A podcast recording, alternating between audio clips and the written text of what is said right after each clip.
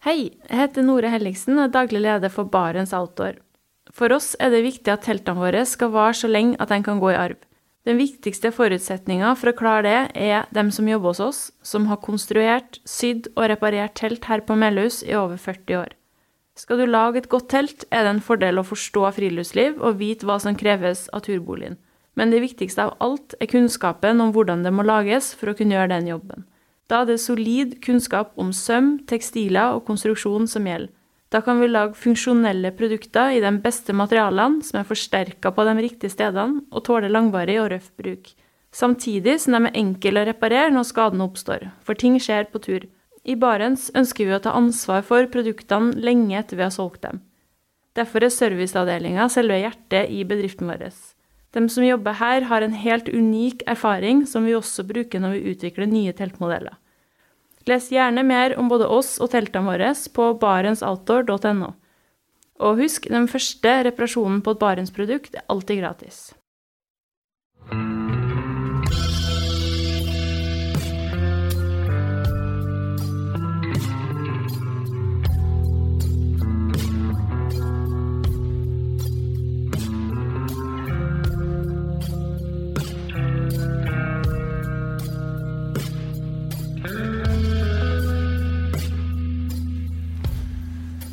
Hei og velkommen til podkasten Uteliv.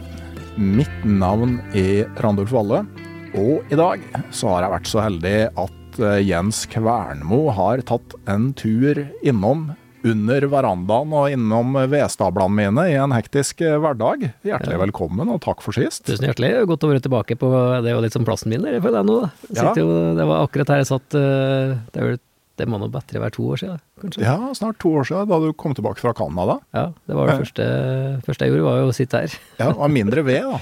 Ja, du har jo vært på vedhugst, dere. Ja, jeg må innrømme at jeg ringte en bonde ute på eh, Byneset. Men, Ja, du eh, gjorde det, ja. ja. Nei, men det, det, jeg har vedovn på kontoret. ja, det hørtes veldig trivelig ut. Det er veldig, veldig trivelig.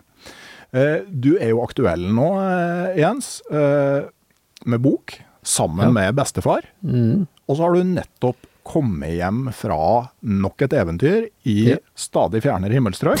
Ja, jeg tok feil til kompasskurset. Altså, normalt så bruker jeg reise vestover, og så var jeg litt, tok jeg litt kjapp eh, kompasskurs, og så endte jeg bedre østover. Ja, Så det, det kan, kan, skje, kan skje den beste, det. Men du dro jo såpass langt at det hadde ikke vært betydelig lenger om du tok motsatt retning. Jo, det, jeg tror det nesten har blitt det samme. Men eh, har, du har jo vært hjemme i Norge, og, og det er høst. Uh, Mm. Har du hatt en fin tur eller naturopplevelse siden du kom tilbake til gamlelandet? Eh, ja, det har jeg jo hatt. Altså, nå har jeg eh, Nå er jeg i den situasjonen at jeg har en hundekvalp igjen. En gordonsetter. Altså, jeg vokser jo opp med fuglehunder, vet du. Så jeg Mhm. har en sånn eh, Altså, jeg har en gammel gordonsetter da på tolv år. Nira heter hun. Eh, og så var det et eller annet i meg i fjor høst. Hun ble ganske dårlig da, jeg fikk noen sånne kuler. Og så tok jeg fjerna de kulene, da. Eh, noen av dem i hvert fall. Tenkte jeg nå er jo synga på siste verset, så var det et eller annet i ryggmargen som klikka inn der, at jeg må ha meg en fuglehund igjen, da. For det, det er rart med når du har vokst opp med det. Så nå har jeg en, eh, en eh, Hun er snart et år. Så jeg har jo eh, vært mye i fjellet med hun, og største opplevelse i høst er vel første rypa som ble felt for hun da. Mm. Da var jeg oppe i Nord-Sverige, oppe i jeg vet ikke hvor detaljert jeg skal være i, på akkurat plassen, men det var i Vesterbotn. Veldig um, plass jeg har reist mye til. Og um, egentlig første jakta til Mikael. da. Det Mhm. var Hva kunne jeg vært da? Åtte måneder, kanskje? Ni måneder. Mhm. Um, hun har sett litt rypa før, men det er veldig dårlig med ryper i Ungdalen da, i år. Så jeg har ikke fått trent så mye på rypa. Uh, men første kullet vi fant, smalla rett i spikerstand. Altså det var ikke noe antydninger til å um, så gå frem eller eh, gjøre noe tull. Det var liksom vinkla opp 90 grader, gikk 10 meter, og så rett i spikerstanda. Og der satt det jo et kull på ja, 14-15 ryper. Og der fikk jeg felt den første, første rypa for ja. Og det er jo for dem som har For du som hører på som har ungehund, ja, så er jo det, det er jo noe av det største du kan oppleve som eh, jeger. Og må jo være veldig riktig sånn eh, eh, med tanke på preging og trening òg. Altså når første gangen så gjør hun det riktig og får se på en måte hva som er sluttresultatet. Ja, altså nå skal ikke jeg ta på meg noe ære egentlig for opptreninga, for jeg har jo vært på Grønland. Når, hun var, når uh, Mika var fra tre til åtte måneder, så var jeg på Grønland. Så ja, det sitter en uh, André og Espen ute der, som uh, skal ha stor del av æren for at Mika ble så bra i høst. da. Ja, jeg snakka med en, eh, en eh, kar eh, som hadde ganske heftig jobb, og som etter å ha hatt diverse fuglehunder fra valp, hadde kjøpt en voksen, ferdigdressert setter, og Mm. måtte innrømme at det var med ganske stor margin den beste bikkja han noen gang hadde hatt. Ja, ja, ja. Nei, det, ja, det er vanvittig mye arbeid, altså, med en uh, bra fuglehund. Mm. Men, men så har du jo trekkhunder i tillegg. Ja, jeg ønsker i tillegg. Så jeg er jo ja, to og en halv. Eh, to eh, voksne og en, eh, en på deling. En ung en på deling. Men jeg så nå på sosiale medier at du har meldt deg på Finnmarksløpet. Ja. Det, det er jo litt knapt, det. da. Skal Gordon Setteren være Ja. i spann nå, eller? Nei, jeg tenkte jeg skulle stille opp med hest. Ja. Jeg prøvde meg på det, skjønner du. Jeg spurte om, for at det står jo ikke noe i reglementet om at det ikke er lov til å stille opp med hest, og da tolker jeg det jo som at det er greit, da. Men så var det et eller annet med Det var et eller annet med at det var frem... Altså, det, det heter at det er et hundeløp, så det var et eller annet der Ja. som kan bli problematisk, da. Så øh, Nei, da skal jeg prøve å Altså, det er et eller annet Når jeg kjørte Femundløpet første gangen, jeg kjørte to ganger, da, mm. så var jeg klar, helt bestemt på at dette var en sånn engangshendelse. Det var kun trening før Canada-ekspedisjonen. Jeg skulle bare lære meg dette gått skikkelig bra nå, da, før jeg reiser til Canada. Og så kommer jeg til november da, hvert år, når jeg er hjemme, da. Og så er det faen, det, det er artig òg, vet du. Det er så det, det er utfordrende og fantastisk opplevelse å, å kjøre de løpene. Og så er jo Finnmarksløpet har jeg jo tenkt på lenge òg, da, at jeg har lyst til å kjøre. Mm. Så det blir spennende. ja, skal du låne hunder da, for å fylle Ja. opp spannet? Mm, jeg har en kamerat, eh, Arnt Ola heter han, har oh, ja. Der eh, samarbeider jo litt da, med Mm. hunder. Så nå trener han, han har et spann, ti hunder, så han trener dem nå i høst da, så skal jeg ta over når det blir sleføre. sledeføre. Ja. Så skal ligge i fjellet i vinter og Han er vel ikke helt bortreist som eh, hundekjører, hvis det er den Arnt Ove, tror du? Arnt Ola Skjerve heter han, Ja, lov til å si eh, hele navnet hans her, tenker jeg. Han er, jeg vil jo si at han er en av landets beste hundekjørere. Altså han er, med tanke på hvor, mye tid han har til å trene, for han, han driver en svær gård, eh, Mm. han har jo 15 000 høner og ammekyr og melkkyr og hest og sau, og han har alt på den gården der, og tre unger. Og, så at han noen gang kunne hevda seg i hundekjøring, altså det er helt utrolig. Så han er, han er ekstremt eh, flink, da. Mm. Så der har jeg en uh, veldig bra samarbeidspartner. Mm. Ja, og når du har kjørt uh, 60 miler, så har du jo da òg lov å kjøre den lange til neste år, da. Ja, det er jo det som er uh, målet. altså, ja, kom, kom i mål til banketten. Jeg må være såpass rask, da. Eh, men eh, det er for å kvalifisere seg, så jeg kan kjøre lange, lange Finnmark neste år, da. Ja. Men jeg Det- tenker, hvordan er det å ha både fuglehund og trekkhunder? Altså, er det, er det igjen noen timer i døgnet da? Ja, ja, det går helt fint, det. Altså, altså, nå eier jeg jo bare to sånn huskyer sjøl, da. Så når jeg er på fuglejakt, så er jo de med og går. Altså, de går det bare løs og svirrer rundt meg. Det går helt fint. Og når vi trener spannet, så er jo fuglehundene med og springer. Mm. Så, og hun gamle, Nira, hun har jo lært seg noen kjøptriks, da. Så hun er med og springer helt til at jeg blir sliten nok, da. Og så hopper jeg opp i sleden, og så sitter jeg i sleden da, og koser seg en stund, da. Og så når jeg føler seg pigg igjen, så hopper jeg av og så ut. Og, Ja. og hun jakter jo litt, så jeg jakter litt rypa mens jeg trener òg, da. Eh, Jeg ser du har hatt med deg boka til Stein-P. Han har noen veldig fine beskrivelser av den der hunden som egentlig er litt for gammel til å være med, men som ikke helt vil innrømme det sjøl. En Ja, sånn ja, ja. fiktiv samtale. Ja, det, jeg kjente meg altså Den boka til Stein-P er faktisk eh, jækla bra. Det er en av de bedre bøkene jeg har lest. da, og det, Så den anbefales eh, på det sterkeste for eh, du som hører på. Det er en fantastisk bok, og kjenner meg veldig godt igjen i, i den hunden der. Og Nira hun er jo hun er tolv, og hun har jakta veldig mye i livet, da. Og hun er jo Jeg må jo si, altså, hun er Uh, Hun burde ha hatt en sånn totalrenovering av ledd og skuldre, tror jeg. uh, for hun er, hun er jo sliten. Men hodet hennes er jo ennå som når hun var tre, da. Mm.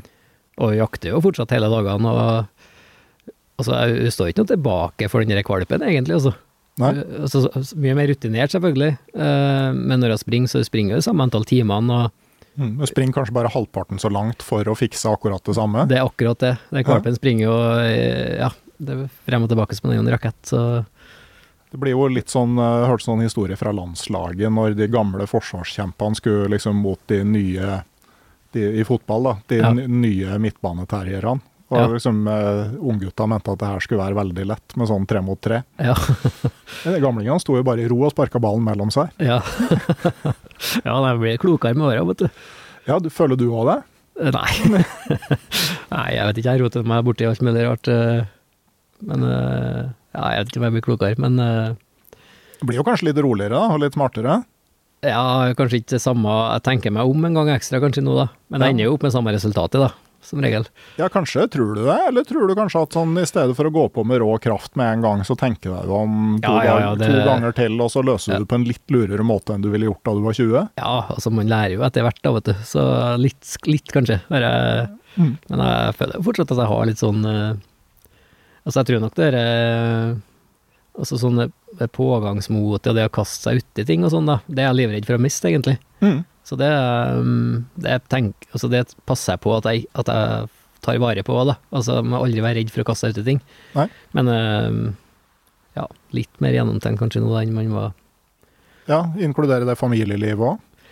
Nei, der er det Der er status quo siden sist, Jon Ronulf. Ja, det, Det samme, det, det, ja. Så vidt jeg vet, i hvert fall, så Men det det, det handler jo om det der òg, du må ikke være redd for å kaste deg ut i noe nytt. Nei, det er akkurat det. Nei, jeg har jo en sånn eh, Jeg er jo en drømmer, da. Jeg har jo mye drømmer i livet, og det er jo en av drø- drømmene, det òg. Ja. Men det er jo noe Altså, første steget, da, er vel å begynne å være litt hjemme, for eksempel. Eh, jeg kom hjem nå, og så så jeg at eh, Altså, det var nå forrige uke, nå er vi jo i november. Mm. Da sto kalenderen min på januar, hjemme i huset mitt, da. Mm. Så det sier jo litt om året i år. Eh, Ja. Jeg har vært stort sett ut på eventyr i år, da. Men like fullt så har du nå gitt ut bok Ja. Sammen med bestefar. Ja. Det er stas. Det er faktisk Jeg har gjort mye rart i livet, eh, og Men dette er liksom det prosjektet jeg har eh, vært med på som jeg er mest stolt av, da. Uten tvil. Det Ja, for at den heter jo 'Det jeg lærte av bestefar', og det er jo Mm. en, en tittel som er ganske talende. Ja, altså, også budskapet i boka er jo Altså boka er jo um, historier eh, med meg og bestefar, da, ifra jeg var liten og gjennom oppveksten og litt opp i, i voksen alder òg, da. Um, så, og budskapet er jo uh, og- også den inspirasjonen jeg har fått fra bestefar, da, den tror jeg har vært veldig viktig for meg uh, som den er i dag. Altså det er jo lett, det kan jo sikkert alle Altså alle har jo hatt et godt forhold til sin bestefar, og, kan, uh, og vi kan jo alle spore det man gjør senere i livet tilbake til en oppvekst. Uh, og så Jeg liker å tro på et vis at at jeg ble kanskje ekstra glad i bestefar, da, for at uh, når jeg var liten, så um, Jeg mista mora mi når jeg var sju, og da er- kommer det noen år etterpå der som jeg tror former deg veldig sånn som det mennesket du blir, da, og så uh, hvem du blir, sånn uh, det, ditt indre jeg, da. Eh, og det var nok et eller annet Ja, kanskje noe sånn omsorgsgen som klikka over på bestefar, da. Eh, som gjorde at jeg fikk et sånt eh, Kanskje et ekstra sterkt forhold til han, da. Er er det morfaren eller farfaren din? Farfar. Ja. Mm. Så, men han var jo, bodde jo rett i nabolaget, så Mm. det ble jo veldig lett for meg å dra dit, da. Mm. Eh, og han var jo veldig flink til å ta meg med, og tålmodig, og uh, første minne i livet er jo med en bestefar, da. Jeg for og dilta i hælene på han i skogen. Ja, var, hva dere gjorde da? Da var vi Det var rett nedenfor der jeg bodde, men jeg følte jo at vi var langt på vei inn i villmarken, da. Men det var, sett i ettertid så skjønner jeg at det var 70 meter nedenfor huset, da. Så det var, men det var langt nok, det, vet du, når du er fire-fem år, da. Mm. Eh, Da for vi Jeg har for meg at det var sånn førjulsvinter. Det var ganske lite snø, men det var litt nysnø, da. Eh, Så for vi og gikk etter et spor. Så husker jeg Altså, dette er bare sånn bilder jeg har revet nå, da, men jeg husker at han bøyde seg ned og pekte på sporet og sa at dette er rådyrspor, da. Og da øh, syns jeg det ble superspennende. Vi gikk etter et, et dyr, da. Eh, og så kom vi litt lenger, og så pekte han på nytt ned i sporet, som Se, altså her er det helt uten snø i sporet, sånn. Her er helt, altså helt ferskt, da. Nå er rådyret rett framom oss, sånn. Og det er sånn Altså, det tenker jeg på nesten hver gang jeg ser et spor i snøen nå, så kommer det minnet fram, da. Og så han Altså, bestefar lærte meg jo ikke bare altså, Jeg og bestefar var aldri på tur for å gå en tur. Det var alltid et oppdrag, da. Det var enten å plukke bær eller sopp, eller vi var på fisking eller på jakt, da. Var, eller gå etter spor og se etter dyrene. Um, så han lærte meg jo egentlig Jeg ser jo det i ettertid at han lærte meg jo hvilke dyr som bor i skogen. Uh, han lærte meg jo hvordan vi skal høste av uh, det som er i skogen, med bær og sopp og fisking og jakt og sånn. Så han, uh, så han lærte meg jo på et vis å bli glad i naturen òg. På en litt annen måte enn bare å gå, gå tur og ta et bilde, som kanskje er vanlig i dag, da. Mm. Så det ble en sånn dypere eh, Og så jeg tror jo at det, det var de opplevelsene som gjorde at jeg ble så glad i naturen som jeg ble senere i livet. Ja. Eh, Det har ikke vært helt enkelt å få tak i den boka. her. Den føyk føk jo førsteopplaget føyk jo ut så det sang. Så jeg, Ja. jeg må innrømme at jeg har ikke eh, finstudert den før vi tar den praten her. Men altså, er det på en måte den kunnskapen du ønsker å videreformidle? Ja, i hvert fall. Så Altså, boka er jo bygd opp av historier. Mm. eh, Enkelthistorier med bestefar, og det, den forteller jo hva han har lært meg, da.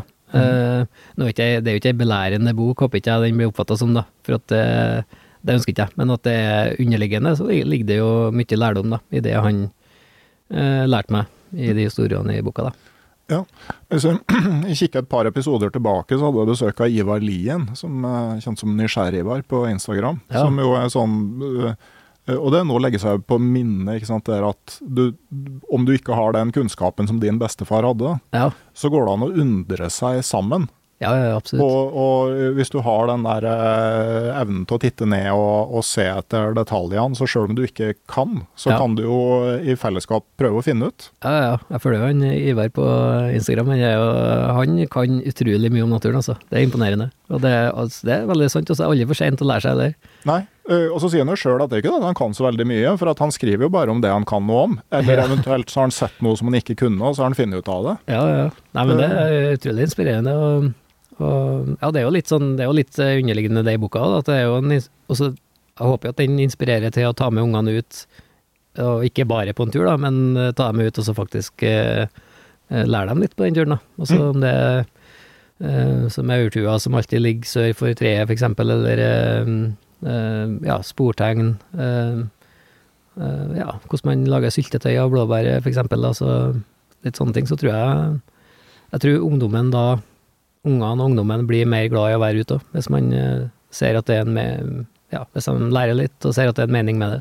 Mm. Så, Ja, og så er det jo utrolig mye enklere å lære noe ute med ting eh, håndfast foran seg, enn f.eks. i et klasserom. Ja, ja, ja. Det var i hvert fall uh, mye mer spennende for min del. Mm.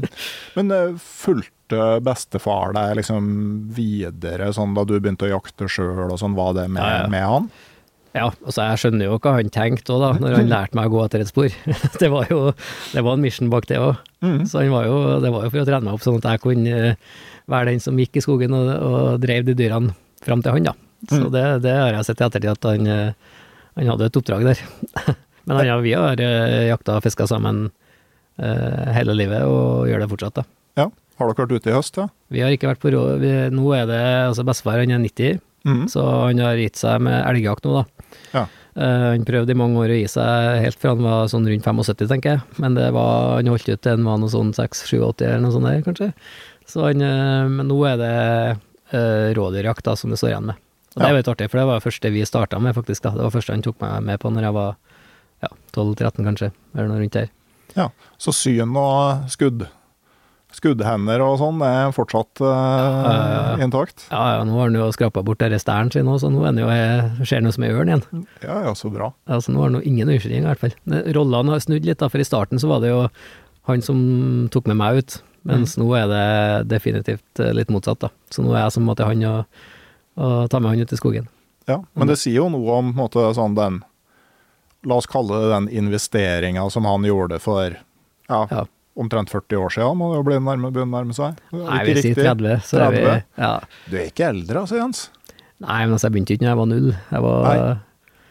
Nei, du begynte ikke når du var null, nei, du begynte når du var nærmere ti, ja. ja. ja. Nei, det, det var bra du, bra du ikke var dame nå, da hadde jeg sittet tynt, tynt i det. Det må du aldri må spekulere i. Ja. Men, eh, men i hvert fall 30, da. Altså sånn, eh, Da han eh, la ned den tida da, så var det jo kanskje ikke det han hadde trodd. At han skulle sitte der som 90-åring og fortsatt ha en jaktkompis. Nei, det er ikke sikkert. Altså, han, altså, jeg tror ikke han hadde noe sånn store ba Jeg tror han gjorde det rett og slett for at han syntes det var trivelig, da. Altså, Jeg kan jo se for meg sjøl, hvis jeg skulle fått barnebarn, så skulle jeg jo ha, ha skodd dem for å bli dyktige villmarkinger. Mm. Til de var Og som besteforeldre så er det kanskje litt mindre sjanse for at det du prøver å dytte på dem, fører til en sånn motreaksjon. Ja, det tror jeg faktisk. De har, de, altså best, jeg kan jo se for meg at besteforeldre har en sånn gunstig posisjon, egentlig. Ja. Altså, de kan jo nesten gjøre hva de vil, og så går det Mm. går det bra. Men hvordan har, eh, hvordan har prosessen med den boka her vært? Den starta faktisk med at det var, det var Villmarksliv som uh, tok kontakt en gang i tida. Det var i fjor vår, Mm. i da mai kanskje. Uh, der vi ønska at vi skulle skrive litt uh, Prøve å få laga noen artikler sammen, da. Mm. til Villmarksliv. Uh, også i en sånn form for idémyldring så kom ideen opp med å skrive et eller annet om bestefaren min, da. Mm. For de har fått med seg at vi har et uh, tett forhold. Og så var det en, en tiger, en, en redaktør, i Egmont, altså Villmarkslivet eid av Egmont, Mm. som i tillegg til mye annet rart uh, uh, lager bøker, da. Mm. Så klikka, tror jeg, hele gjengen klikka på, sånn, på den artikkelen, da. Kanskje som det begynte som. Mm. Uh, så balla fort på seg i løpet av uh, sånn 1 minutt og 40 sekunder, så endte det opp som ei bok, da. Mm. Uh, og det kjente jeg på av alle ting jeg hadde lyst til å gjøre, og sammen med dem så var jo det definitivt uh, det artigste, da. Mm. Så det var uh, Ja, jeg hadde aldri sett for meg at det skulle bli ei bok, men eh, når ideen først kom på bordet, så kjente jeg at uh, at det var skikkelig kult. Mm. Er det noe bestefar din har vært veldig nøye på at skulle være med i boka? Nei, altså den har vært veldig altså her er jo, Det er jo en eh, forfatter som er hyra av Egmont, da, som har eh, Den ble intervjua både meg og bestefar sammen, eller sittet og prata, da, vil jeg jo mer kalle det. da, altså øh, Som har fortalt historiene våre da, i den boka. Mm. Så bestefar er jo også den generasjonen så er det Altså, han var litt sånn skeptisk, tror jeg, i starten, til hva det her var, da. Mm. Du vet, det er 90 de er, Det er en helt annen generasjon, det der. Ja. Litt Eh. mer forsiktig med å stikke seg fram òg, kanskje? Ja, ja, ja. I hvert fall når du kommer fra Ungdalen, så er det Da skal du ikke egentlig ikke gjøre noe mye annet enn eh, du, du har valget om å bli bonde eller håndverker, egentlig. Mm. Eh, og du, du kan kjøpe deg hytte på fjellet, men noe mye mer enn det skal ikke du stikke deg ut, da. Nei. Så det Han var litt eh, skeptisk, men jeg tror han eh, Og så er det veldig artig når han fikk se boka første gangen. Mm. Så det var jo reaksjon Altså, det er ikke sånn at han spredte ikke noe champagne, da. Men det var sånn eh, Nei, jeg ble ikke så verst, dette her, da, sa han da. det, var, det var det han kunne strekke seg til. Ja, nei, Jeg så, det- jeg, vi hadde sånn lansering oppe i bygda forrige helg, da, da, jeg, da så jeg på han at han var stolt, ja. Mm. Mm. Nei, det blir jo som i Gausdal, der jeg kommer fra. Altså, den ypperste hedersbetegnelsen noe kan få, det er halvbra. Ja, det er det. Det er sånn hvis du, er et god, hvis du serverer et veldig, veldig godt måltid i Trøndelag, så er jo den, eh, hvis at den entusiastiske, den største entusiastiske kommentaren du kan få da, det er jo at eh, ja, herre smaker jo ikke så heskelig det. da er det, da kan du klappe deg selv på skuldra. Da har du servert noe bra. Men uh, i høst òg, da. Uh, jeg må si jeg, jeg følger jo med litt på hva du driver med. Det er ikke så vanskelig. Du deler jo en del. Uh, og så var det veldig mye hest plutselig i de sosiale medier-kanalene dine her på seinsommeren. Ja, Uh, tenkte jeg sånn Hva i all verden er det som er i gjære nå? Ja, nei, det var Det er jo en eh, Altså, det med hest har vært egentlig noe som har eh, Altså, jeg ville jo ha hest når jeg var liten, da. Det Mhm. begynte egentlig da. Det er der at jeg ble fullstendig nekta hjem, for at de påstod det var mye arbeid å ha hest, da. Det var ganske dyrt. Men det skjønte ikke jeg, at det Nei. kunne være. For at eh, hestene gikk nå på en åker og beita, de var ute og ridde litt, og så var det greit, da. Eh, Så det begynte egentlig ganske tidlig, skjønner du. Eh, Så gikk jeg jo en eh, 30 år, da. Mm. Eh, Og så møtte jeg en eh, Oddmund Mm. eh, fra Stugdalen. Ok. Uh, Bestefar til Niklas Dyrhaug, som er god kamerat. Eh, Det var på bryllupet til søster, det er lang historie, her, men det var på et bryllup, da. Uh, Og da det er jo da man får de beste historiene, ikke sant? Etter liksom middagen der, og Ja, en Ja. god stund etter middagen, og spesielt i Trøndelag når kaffen begynner å bli veldig lys. Ja, når den er lys nok, så kommer de gode historiene. Ja. Så satt vi, liksom etter at festen var utover der, så satt vi liksom um, i en sofakrok der, da, så satt vi og fortalte røverhistorier, da. Og han har vært ute på mye rart, han da. Blant annet så har han vært i Mongolia, da, eh, med en stein på Åsheim, blant annet, og eh, et par stykker til, der de skulle, eh, de skulle jo slå seg på som hestehandlere, da. Det var prosjektet, da. De skulle kjøpe hester i en landsby, og så skulle de ri dem over steppene der i en måneds tid, og så inn til Ulambator og selge dem der, da, og tjene seg rik. Det var prosjektet deres. Jeg vet ikke hvor godt det gikk, for jeg tror de per definisjon eier fortsatt en flokk med hester i Mongolia. Men jeg drømte meg i hvert fall bort den historien der, da. Om det var kaffen, eller om det var historiefortellinga til en Dyrhaug, det, det får eh, ligge som et lite spørsmål der. Men eh, så etter det så har jeg tenkt på Mongolia, da, og de nomadene der og steppene og Jeg har tenkt på det veldig lenge, og så Når jeg var i Canada, så begynte jeg å eh, altså da, Det var da jeg ble veldig glad i dette urfolket, tror jeg. Eh, og bestemte meg for å reise mer sammen med dem. Um, og det var sånn Grønland kom opp, og det var sånn Mongolia havna på ei liste òg, da. Eh, men jeg er jo Apropos det å bli litt klokere, da, så skjønte jeg jo at jeg måtte jo kanskje prøve å sitte på en hest, da, før jeg drar til Mongolia. Det kunne være lurt. Mm. Så det var sånn jeg begynte med det da i fjor. Fjor, da. Faktisk jeg begynte å trene da, på hest. Da satt jeg på hest for første gang. Det er sånn, ikke første gang, men jeg har vært på hest faktisk i Egypt en gang i tida. Ja. Utafor pyramidene der. Hm. Det var første gangen jeg satt på en hest. Hm. Og da var det en sånn rakett som sto utafor der og, og lurte meg til å hoppe opp på hesten og betale ti sånne raringer da, for å sitte på hesten, og så hoppa jeg oppå, og så første jeg gjorde, var å pisse den hesten da, eh, på rumpa, når jeg akkurat idet jeg kom i salen, og den hesten bare styrta i vei, da, i full galopp nedover sanddynene der, eh, ja, det er kanskje to kilometer, jeg var livredd. Um, men så kom, stoppa hesten til slutt, da den var sliten, og så kom den raketten opp på sida og skapskratta, da. Det var ja, liksom dagens høydepunkt, sikkert. Uh, så det var første møte med, med hest. Men jeg, jeg berga. Men så var det, var det en Dyrhaug da, som lærte deg å bli trygg på hest her i, her i da- Norge? Det har vært litt forskjellige plasser, egentlig. Det var tilfeldig at jeg møtte noen som jobber i et firma som heter for Nonstop Dogwear. Som Mhm. har vært eh, Altså, jeg hadde en hund der på hundepass en gang. Det er veldig tilfeldig, egentlig, men det møtte jeg noen som hadde hest, og da fikk jeg ri. eh, der, og så var jeg, har jeg vært oppe i Folldalen, på et, en plass som heter for Kvistli. Og det er noen venner der. Mm. Og bodde der en par turer. Eh, Er det noe, er det noe sånn direkte overførbar kunnskap fra hund til hest? Veldig likt, faktisk. Mm. er det. Hundekjøring, i hvert fall. Mm. Uh, kjenner igjen veldig, veldig mye av de samme mekanismene. da. Med å um, uh, Ja, så du må jo eh, på et vis Litt som en hund, du må jo koble deg på en hest òg, da. Altså, du må jo få en sånn form for connection der, at du, er, at du er litt på lag. Du skal jo sitte på ryggen på det dyret, så det er jo veldig greit at du kjenner at dere ønsker det samme, da. Så der er en del likheter. Ja, altså I motsetning til med en hund, så, er du jo, så har du jo ikke mulighet til å fysisk korrigere en Nei. hest. Ja, altså, du har jo tømmene, da. Jo, men jeg tenker det er sånn med en hund som du på en måte kan liksom plassere dit du vil ha den, eller stoppe hvis den går et sted du ikke vil, så er Ja. mulighetene litt mer begrensa med en hest, ser jeg for meg. Ja, altså hun har jo, eh, i hvert fall en hest har jo veldig muligheten til å bestemme 100 sjøl, da, Mm. hvis den ønsker. Så det er jo der, det er jo der utfordringa ligger, da. At du må liksom klare å temme den litt, og, og når du setter deg på ny hest, så er det egentlig litt sånn Du må på et vis liksom temme den litt. Først det varierer litt med hestene, da, men du må vise den at det er du som styrer, da. Mm. Så, men du har jo de tømmene da, som liksom er Når jeg begynte med, begynte med det, her, så hadde jeg jo ikke peiling på hvordan jeg skulle, skulle gjøre det, så jeg begynte helt på scratch.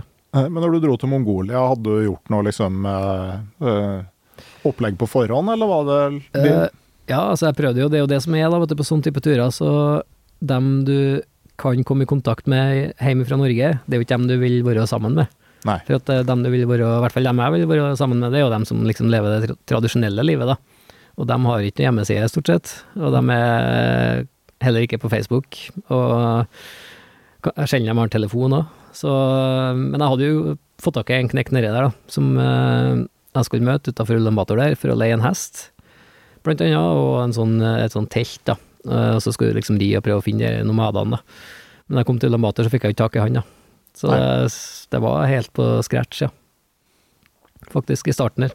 Hva gjorde du da? Da gikk jeg egentlig og sparka litt småstein, og så fant jeg en eh, Så jeg at det var en sånn pil og bue-bane der. Eh, Og så for jeg dit, for jeg tenkte at eh, det har jeg sett at Og det var jo sånn altså det er jo en stor del av kulturen til mongolierne, faktisk. I hvert fall i gamle dager, da. Det var det som gjorde at Mongolriket var så stort, at de var så dyktige med, med bue og hest. da.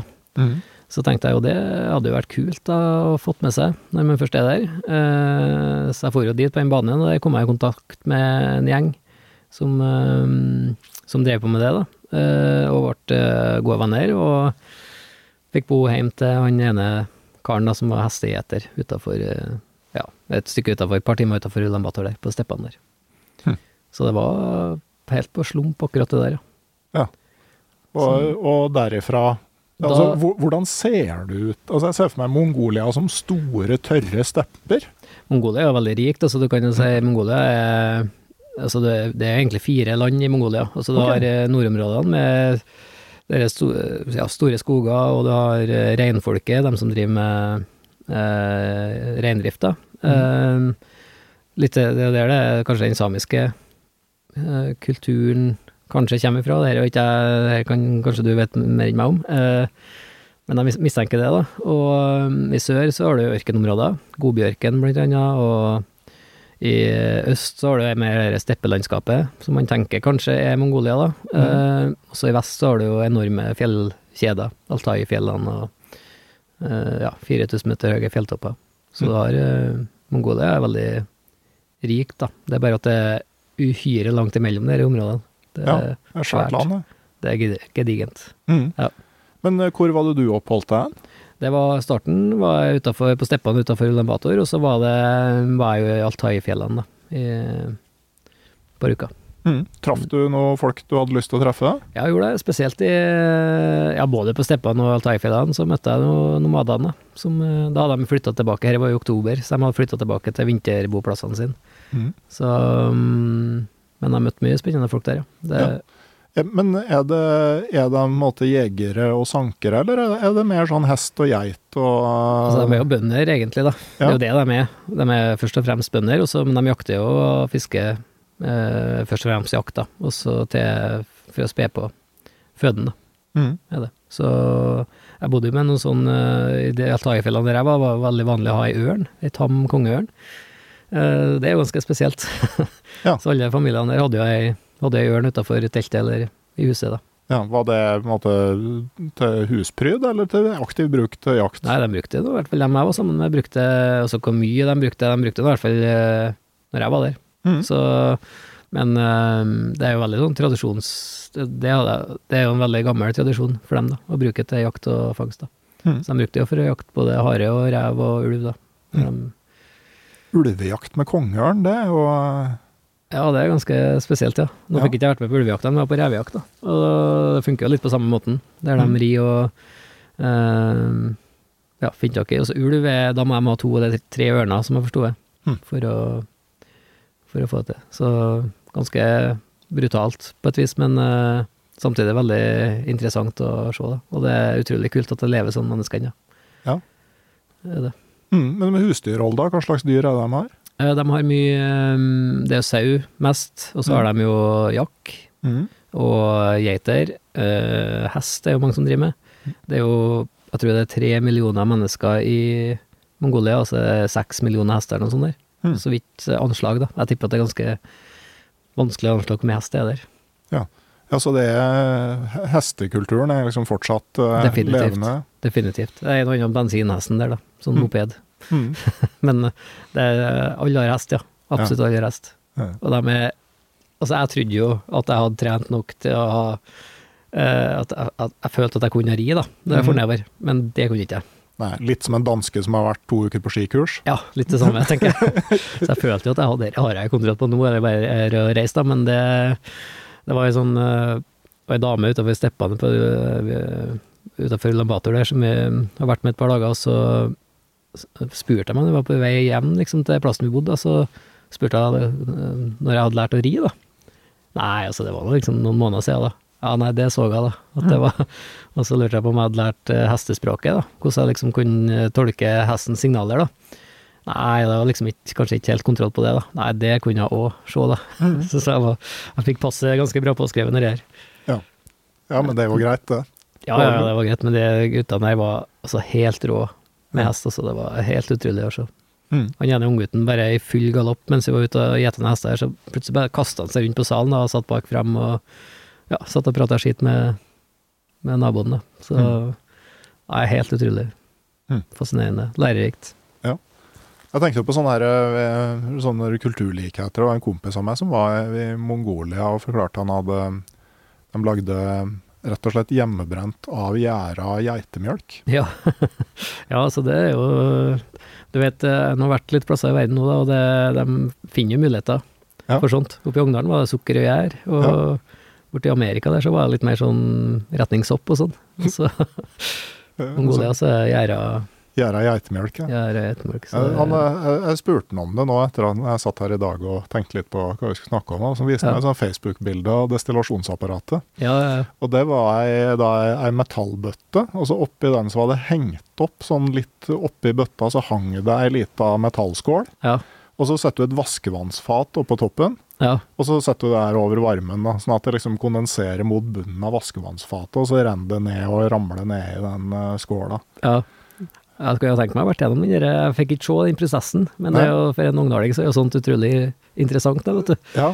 Det var ikke mer enn en 15-20 for det har ikke André her gikk på organisk kjemi på NTNU og begynte med noen sånne diagrammer og kurver og sånn, men jeg, jeg begynte på uorganisk kjemi.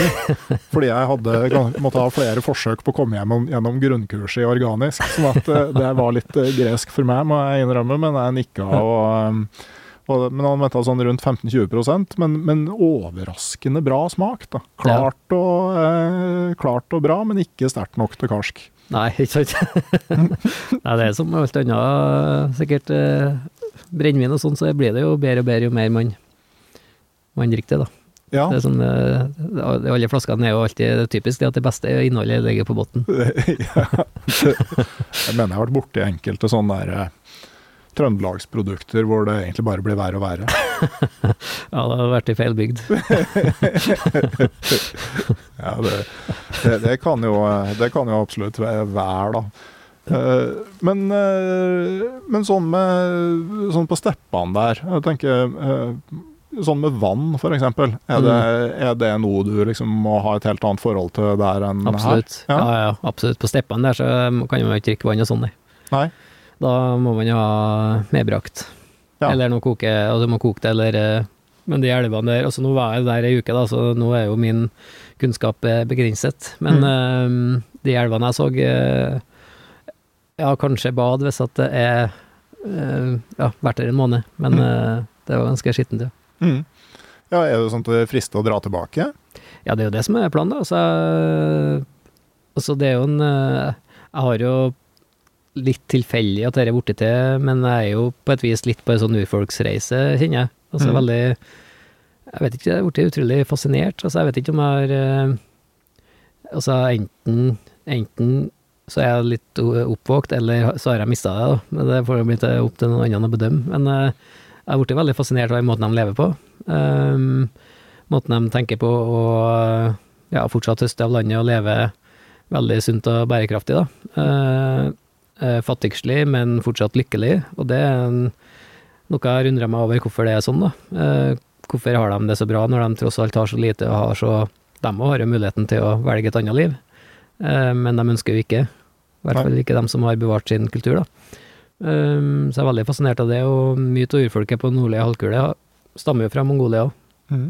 Så det er litt derfor at jeg havna der, da. Og nomadene i Mongolia er jo kanskje dem som virkelig lever eh, på gamlemåten, da. Eh, du finner jo folk der som fortsatt lever utenfor pengeøkonomien og eh, er veldig sjølbergende, da.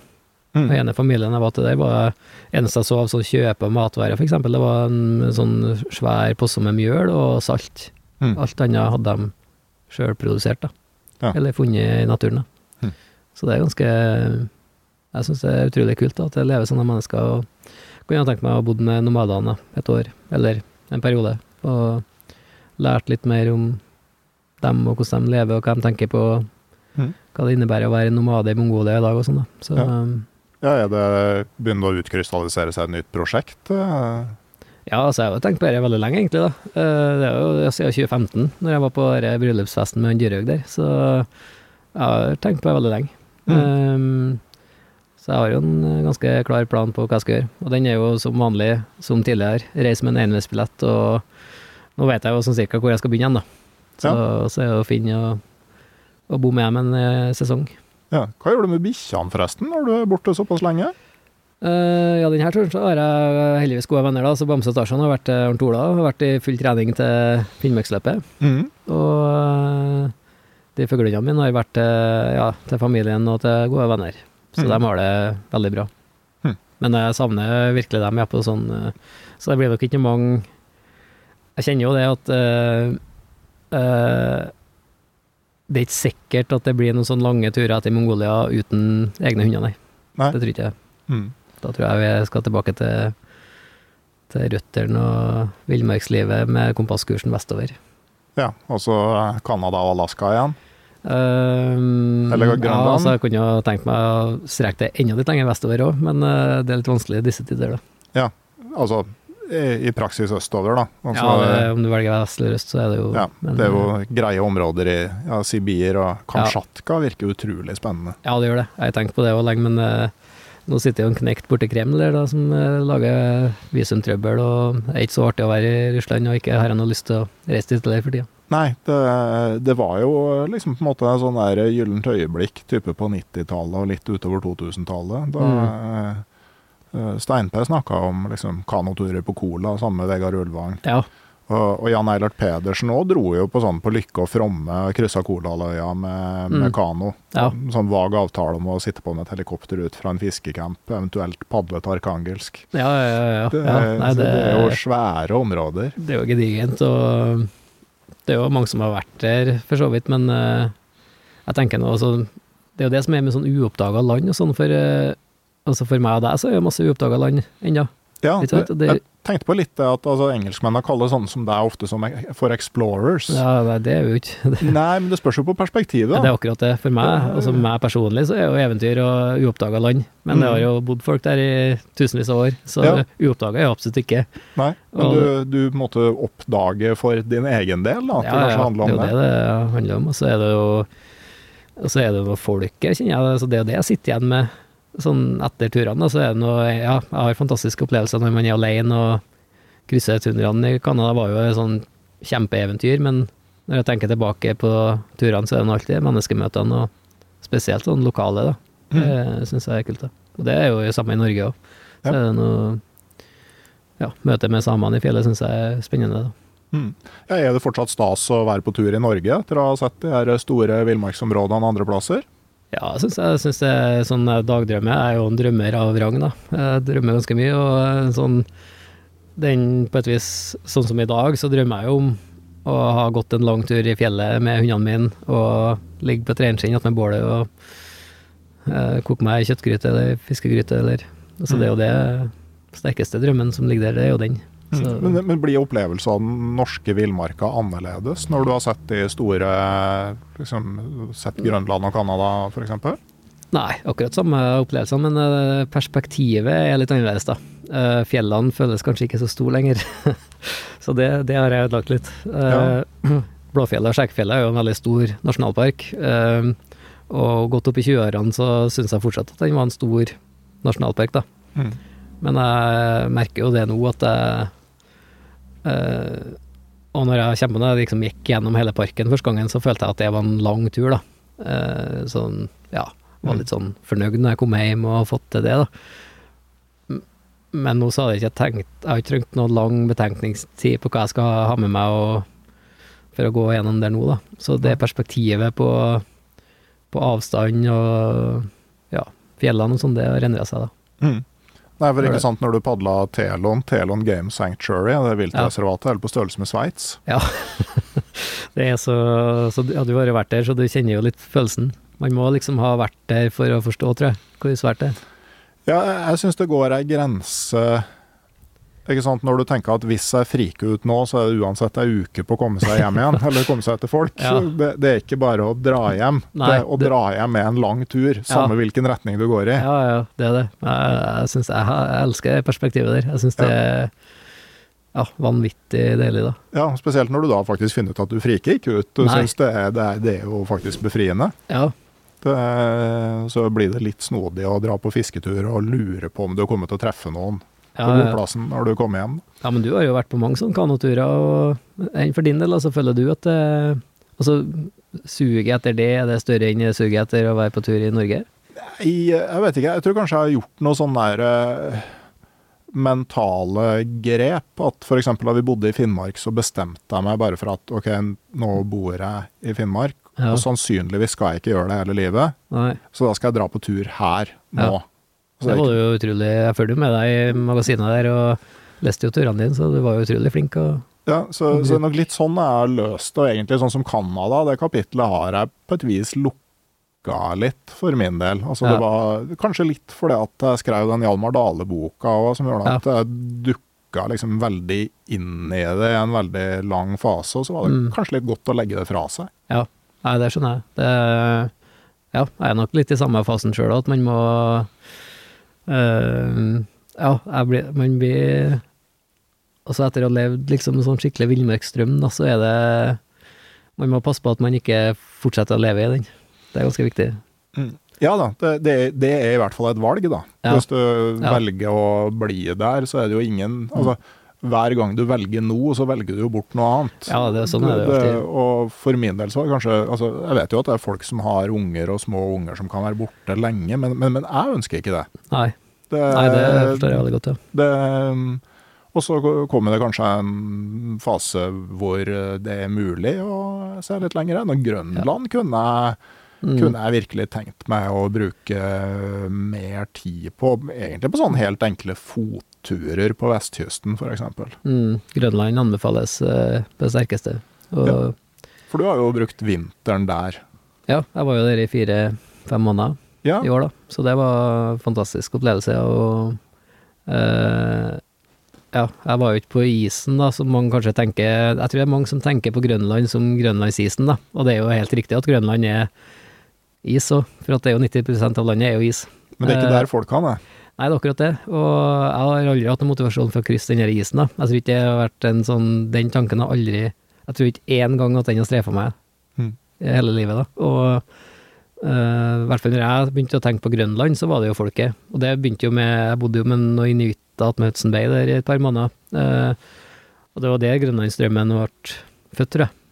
Uh, da toucha jeg jo på et vis inuittkulturen. Uh, men jeg observerte jo at de ikke brukte hundespann lenger, for Eh, og de var veldig lite i kajakk, da, som er kanskje de to uh, røttene i kulturen deres. Ja, skikkelig sånn kulturmarkører. Da. Ja, jeg vil si det. Uh, og så tenker jeg sånn, kanskje i Sibir da, finner du litt sånne, uh, men det var jo vanskelig. Og, så, men på Grønland så finner du det fortsatt, da.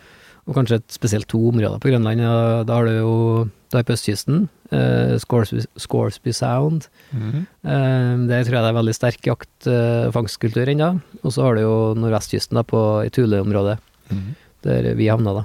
Eh, ja, for du dro ikke aleine den gangen der. Nei, jeg hadde med meg en, eh, jeg hadde med to kamerater, faktisk. Vi Ja. var tre.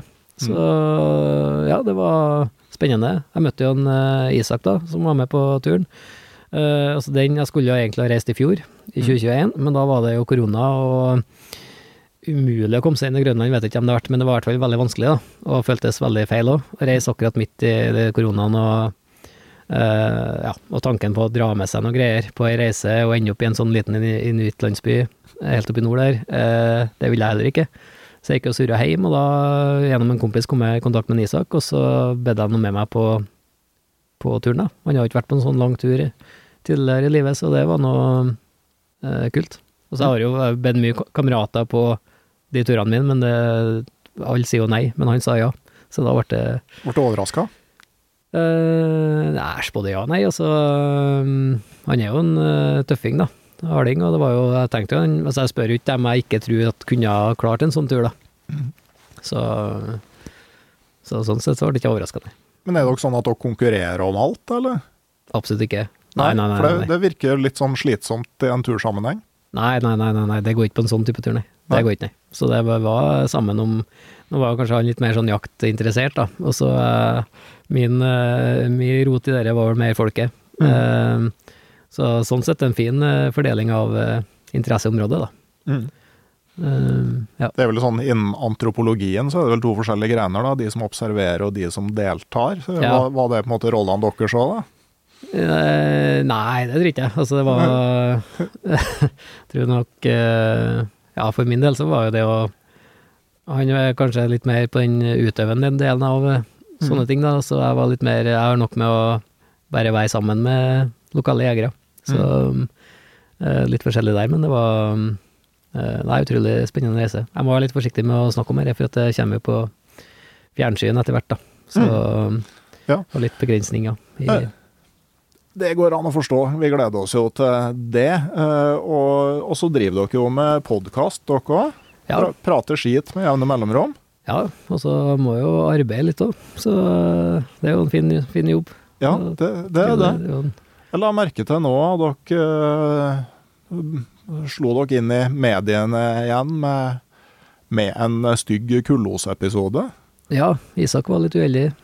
Ja, det, det hørtes stygt ut. Det er jo eh, Altså, på en sånn vintertur, eh, så er det to ting jeg er nervøs for. Det er altså hypotermi, og så blir du nedkjørt, da. Når, når du er alene, så er det ganske skummelt, da, for du merker det egentlig ikke nødvendigvis da, så godt. Eh, og så er det kullåsforgiftning, da. For du, det er jo da det fyrer primus i teltet, og eh, jeg har faktisk sovna en gang, jeg òg, med primusen i teltet, og våkna når den blafra. Eh, trykket ble så lavt at den sto og, blafra litt, før det var kølos, ja. Men så det er noe jeg har veldig stor respekt for, da. For det, det er jo mange som har omkommet Mm. i akkurat sånne situasjoner. Jeg forstår at Isak brukte en spritbrenner. Er litt usikker på nøyaktig hvilken type brenner det var, men det var en sånn uh, spritbrenner med veik, Mm. uh, som jeg forsto det. Ja, for at det, det, det kommer vel en sånn Kullås-episode etter hvert, tror jeg, i podkasten. Men jeg tenkte bare å nevne at det er mange som tror at det her er noe som på en måte som egentlig bare skjer med sånn bensin- og parafinprimuser. Ja. Eh, Men gassbrennere kan jo være mye verre, f.eks. Og spritbrennere er nok eh, generelt ganske utsatt for å lage mye kullås. ja. Eh, Så det med brennere i små rom, og, og igjen spesielt det der med at det er med gryta over, at, Mm. at det blir verst. Altså jeg tror faktisk ikke en sånn primus som er i ferd med å slokne er så ille. Nei, For at det er så lite som som forbrennes. kommer ut, ja. ja. Eh, Så jeg tror nok eh, det er verre å, eh, liksom, å sette over gryta og for å smelte snø om morgenen. Det har vært storm om natta, og så har det Mm. stilna. Ja. Ikke sant? Så er alle luftkanaler i teltet plutselig tette. Mm.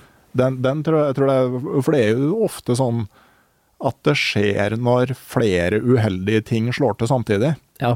Det er jo alltid, Ulykker er jo alltid sånn, Mm. at det må være flere faktorer som slår inn. Mm. Men du hadde vært borti noe sånt du òg, eller? Nei, altså, jeg- som sagt, jeg sovna en gang, men Ja. det var før det var Da våkna jeg av, en sånn, av lyden av at den blafra når det trykket ble lite. Mm. Så Skummelt nok bare med sånn brannmessig òg, sånn Ja. fra primusen. Ja, men da jeg var, det mange år siden jeg var på en vintertur, og så var jeg var så sliten og kald og sulten, og så kommer du inn i teltet oh. i soveposen, Ja. fyrer primusen, varmen kommer, mm. så da, da dupper jeg av, da. Ja, nei, det, det, det er fryktelig. det er veldig fort gjort. Det, det er veldig ja, Det har jeg stor respekt for, ja. Ja, jeg har nok skjønt sånn ettertid at det én gang jeg har øh, vært borti noe sånn begynnende kullås, for jeg var veldig uvel på en telttur. Ja. Uh, har nok skjønt etterpå at her har det vært et eller annet, sannsynligvis et eller annet med, med brenneren. Så det, Ja. det der er noe å være, være obs på. Da. Ja, det er jo, vi skal være veldig forsiktige med å fyre primus eh, i teltet, da. Mm. Både med tanke på brønnfaren og, og spesielt kullåsforgiftninga. Men samtidig så er det jo sånn på en ordentlig vintertur i høyfjellet, så er det jo fryktelig vanskelig å ikke fyre primus i teltet òg. Ja, etter jeg begynte med det, så jeg ble jo opplært til at man ikke skulle gjøre det. Så Mm. det var jo noen år jeg lå ute og frøs i teltet, og så Nei, nå må jeg bare ja, Etter den gangen så går det jo ikke an å ikke fyre i teltet på en vintertur. Nei, det er jo bare å få smelta snø og lagd mat når det er dårlig vær. Ja. Det, det, det er jo vanskelig hvis du ikke fyrer inne. Men, Ja, ja. men eh, jeg tenker for å eh, trekke litt sammenhenger, da. Altså Grønland, eh, Canada, Mongolia. Altså er det på en måte noe fellestrekk mellom de urbefolkningene du har, eh, du Ja. har oppholdt deg med? Absolutt. eh, Jeg møter nøyaktig det samme folket, da. Uh, uansett hvor jeg er. Um, og det, altså Jeg tror først og fremst så går det på at uh, Altså, jeg, jeg, triv, jeg, vet, jeg trives så vanvittig godt med de folkene her, og det er, tror jeg først og fremst er for at de utstråler en sånn ekstrem ro. Altså, er, du finner jo ikke en uh, chippewan-indianer eller en inuitt eller en grønlender eller en mongoler som har stressa noen gang i hele sitt liv, eller i noen generasjon sikkert, ikke sant? Nei. De er, de er så komplett rolig da, uansett da. Um, de lever veldig sånn fra dag til dag. Det er jo på godt og vondt kanskje da, men uh, de er veldig flinke til å, så lenge de har det de trenger i dag, så er de lykkelige da.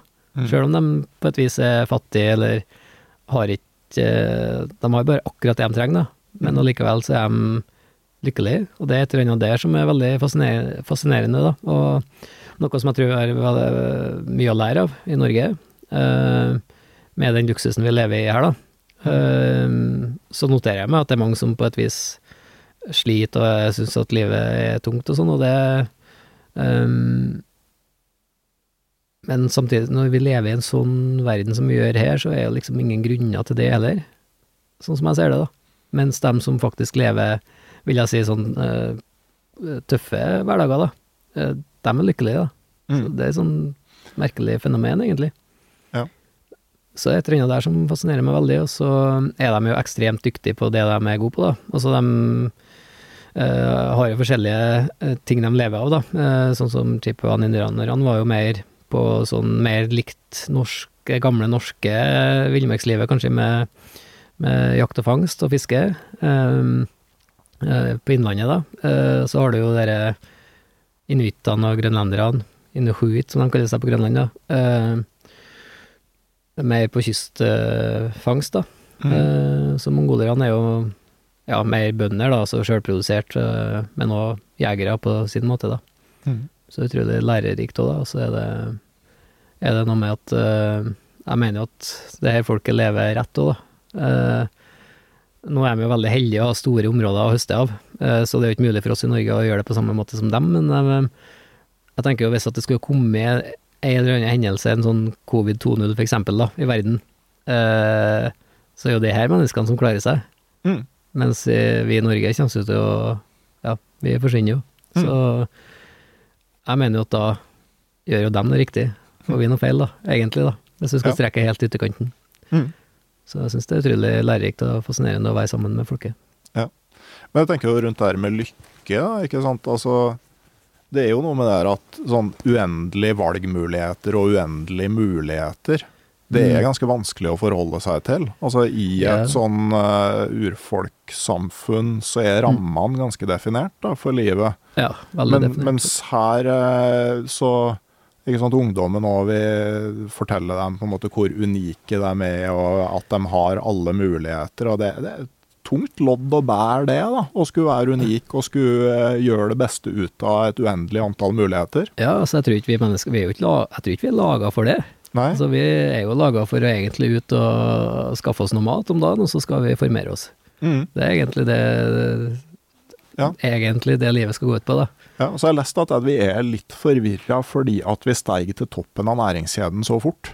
Ja. At eh, måte, vi klarte ikke evolusjonært å, å henge med. Da. Altså Andre Nei. rovdyr som har stiget til toppen, de har gjort det over veldig mye lengre tid. Så Ja. at vi er fortsatt det der eh, pattedyret fra savannen i Afrika som egentlig var Mm. midt inne i næringskjeden og er livredde for å miste posisjonen vår. ja, ja, ja, det er kanskje en litt sånn forlenga versjon av være med jeg ser det samme med på Grønland eller i Canada, med at uh, altså de har jo levd det tradisjonelle livet sitt Altså de gamle grønlenderne jeg møtte på Grønland, vokste jo opp i steinhus og var helt sjølberga.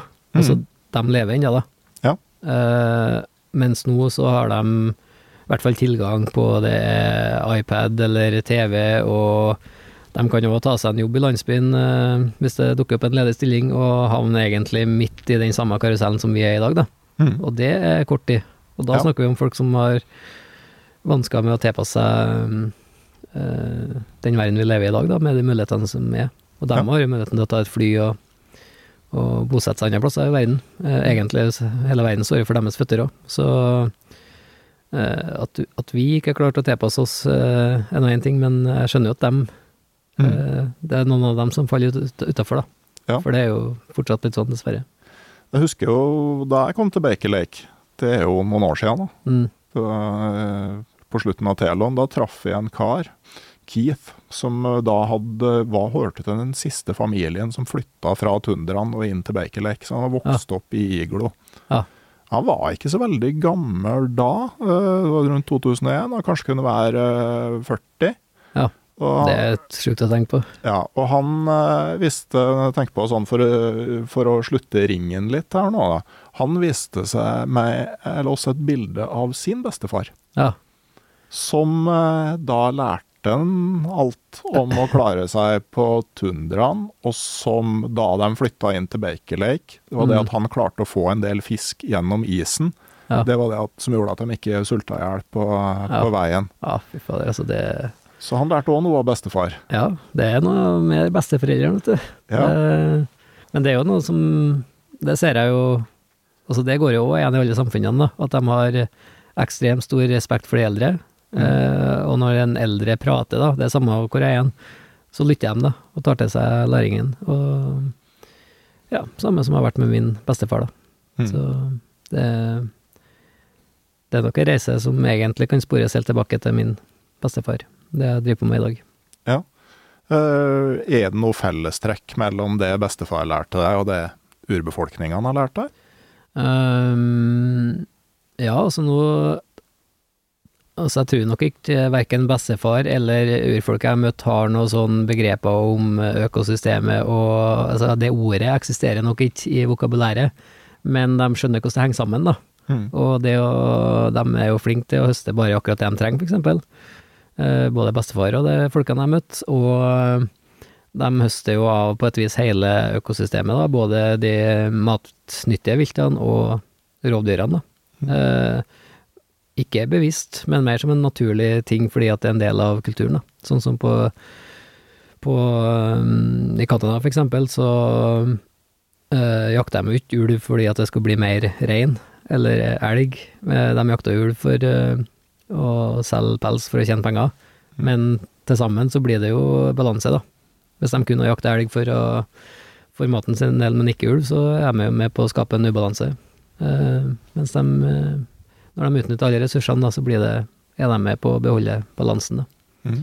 Og på Grønland så jakter de jo fortsatt isbjørn, eksempel. Eh, og da er de med på å høste av Det var jo for, å, for maten og for eh, buksa, faktisk. Alle, absolutt alle jegerne på Grønland bruker fortsatt isbjørnbukser.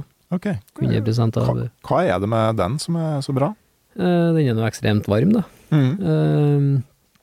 Så, så er det noe med fuktighet og Nå fikk jo ikke jeg prøvd det på vinteren, da, men eh, jeg vil jo tro at det har, en, eh, har noe med fuktighet å gjøre når de bor ute over lengre tid. Så kan de jo riste litt sånn isbjørnbuks når det er kaldt, og så er den jo helt altså tørr og isfri, da. Hm. Det er jo ikke noe sånn mellomlag som samler seg fuktighet i der. Nei, det er bra. Det er bra.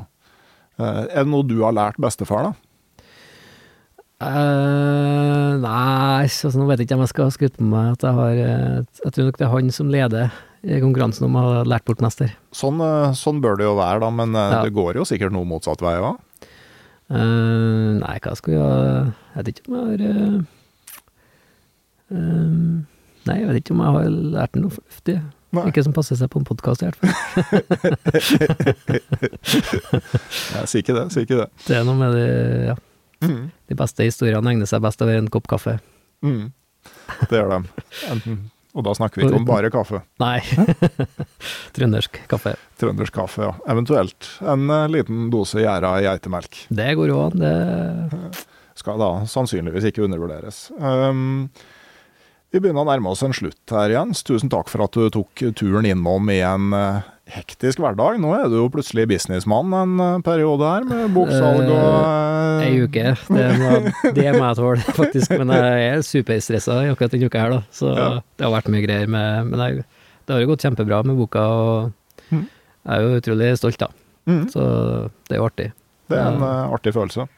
Men veldig artig å være tilbake igjen, og trivelig å Mm. se igjen. Mm, men helt uh, til slutt, da. Vi sitter her uh, Det er jo eh, helt greit under verandaen og borti med vedstabelen min da, en Ja. dag tidlig i november, men hvis du skulle ønske deg et annet sted akkurat en, en dag i overgangen mellom høst og vinter, hvor, hvor ville du vært den?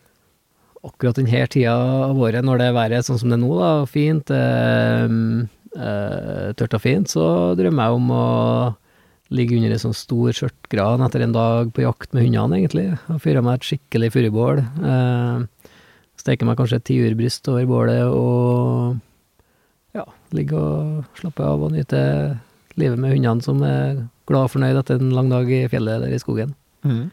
Det er egentlig det Egentlig, bortsett fra selvfølgelig bedre ordet her, da, med deg, men eh, du vet det, Jens, at når man eh, skal snakke usant, er det viktig å ikke ljuge så mye at det er umulig å tro på det.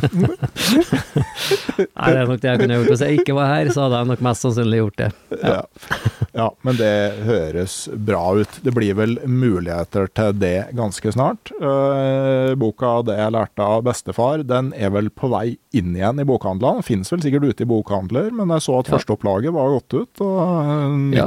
nytt på vei fra trykk. Det kommer eh, Nå vet jeg ikke når vi er på luften her, men eh, Nei, det, det vet jeg egentlig ikke jeg heller. Det er jo sikkert uh, Antagelig så er boka på plass igjen i ja. hyllene når eh, du hører det her. Eh, og eh, så gleder vi oss til å eh, få se eventyrene fra Grønland. Og så håper vi at du får brukt vinteren både til å kjøre hund og til å trene mer på hest, da, så du ikke blir så ja. lett gjennomskua ved neste Mongolia-tur. altså, uansett hvor mye vi trener på hest i Norge, her, så blir det gjennomskua når vi kommer til Mongolia. Det kan jeg garantere. Så det Men jeg skal i hvert fall gjøre mitt beste på Finnmarksløpet. Det gleder jeg meg skikkelig til. Det blir jo vinterens eh, store eventyr. Ja, tøft. Tusen takk igjen for at du stilte opp.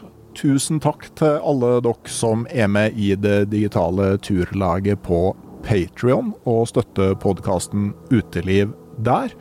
Eh, Vi snakka litt om kullos her, og et lite sånn prosjekt som jeg driver med på nettsidene mine, er å få dytta ut eh, alle brennertester jeg har gjort for forskjellige blad gjennom eh, ganske mange år. Så jeg har begynt med gassbrennere, og det inkluderer da kullosmålinger. Eh, Så for dem som er langturkompiser og ekspedisjonsmakere, så går det an å titte innom der. Som medlem i det digitale turlaget så får du også eksklusive episoder, påvirkningsmulighet på gjester, tema og spørsmål. Men uansett så kommer det en ny episode av podkasten Uteliv om ei uke, og da høres vi igjen. Ha det bra.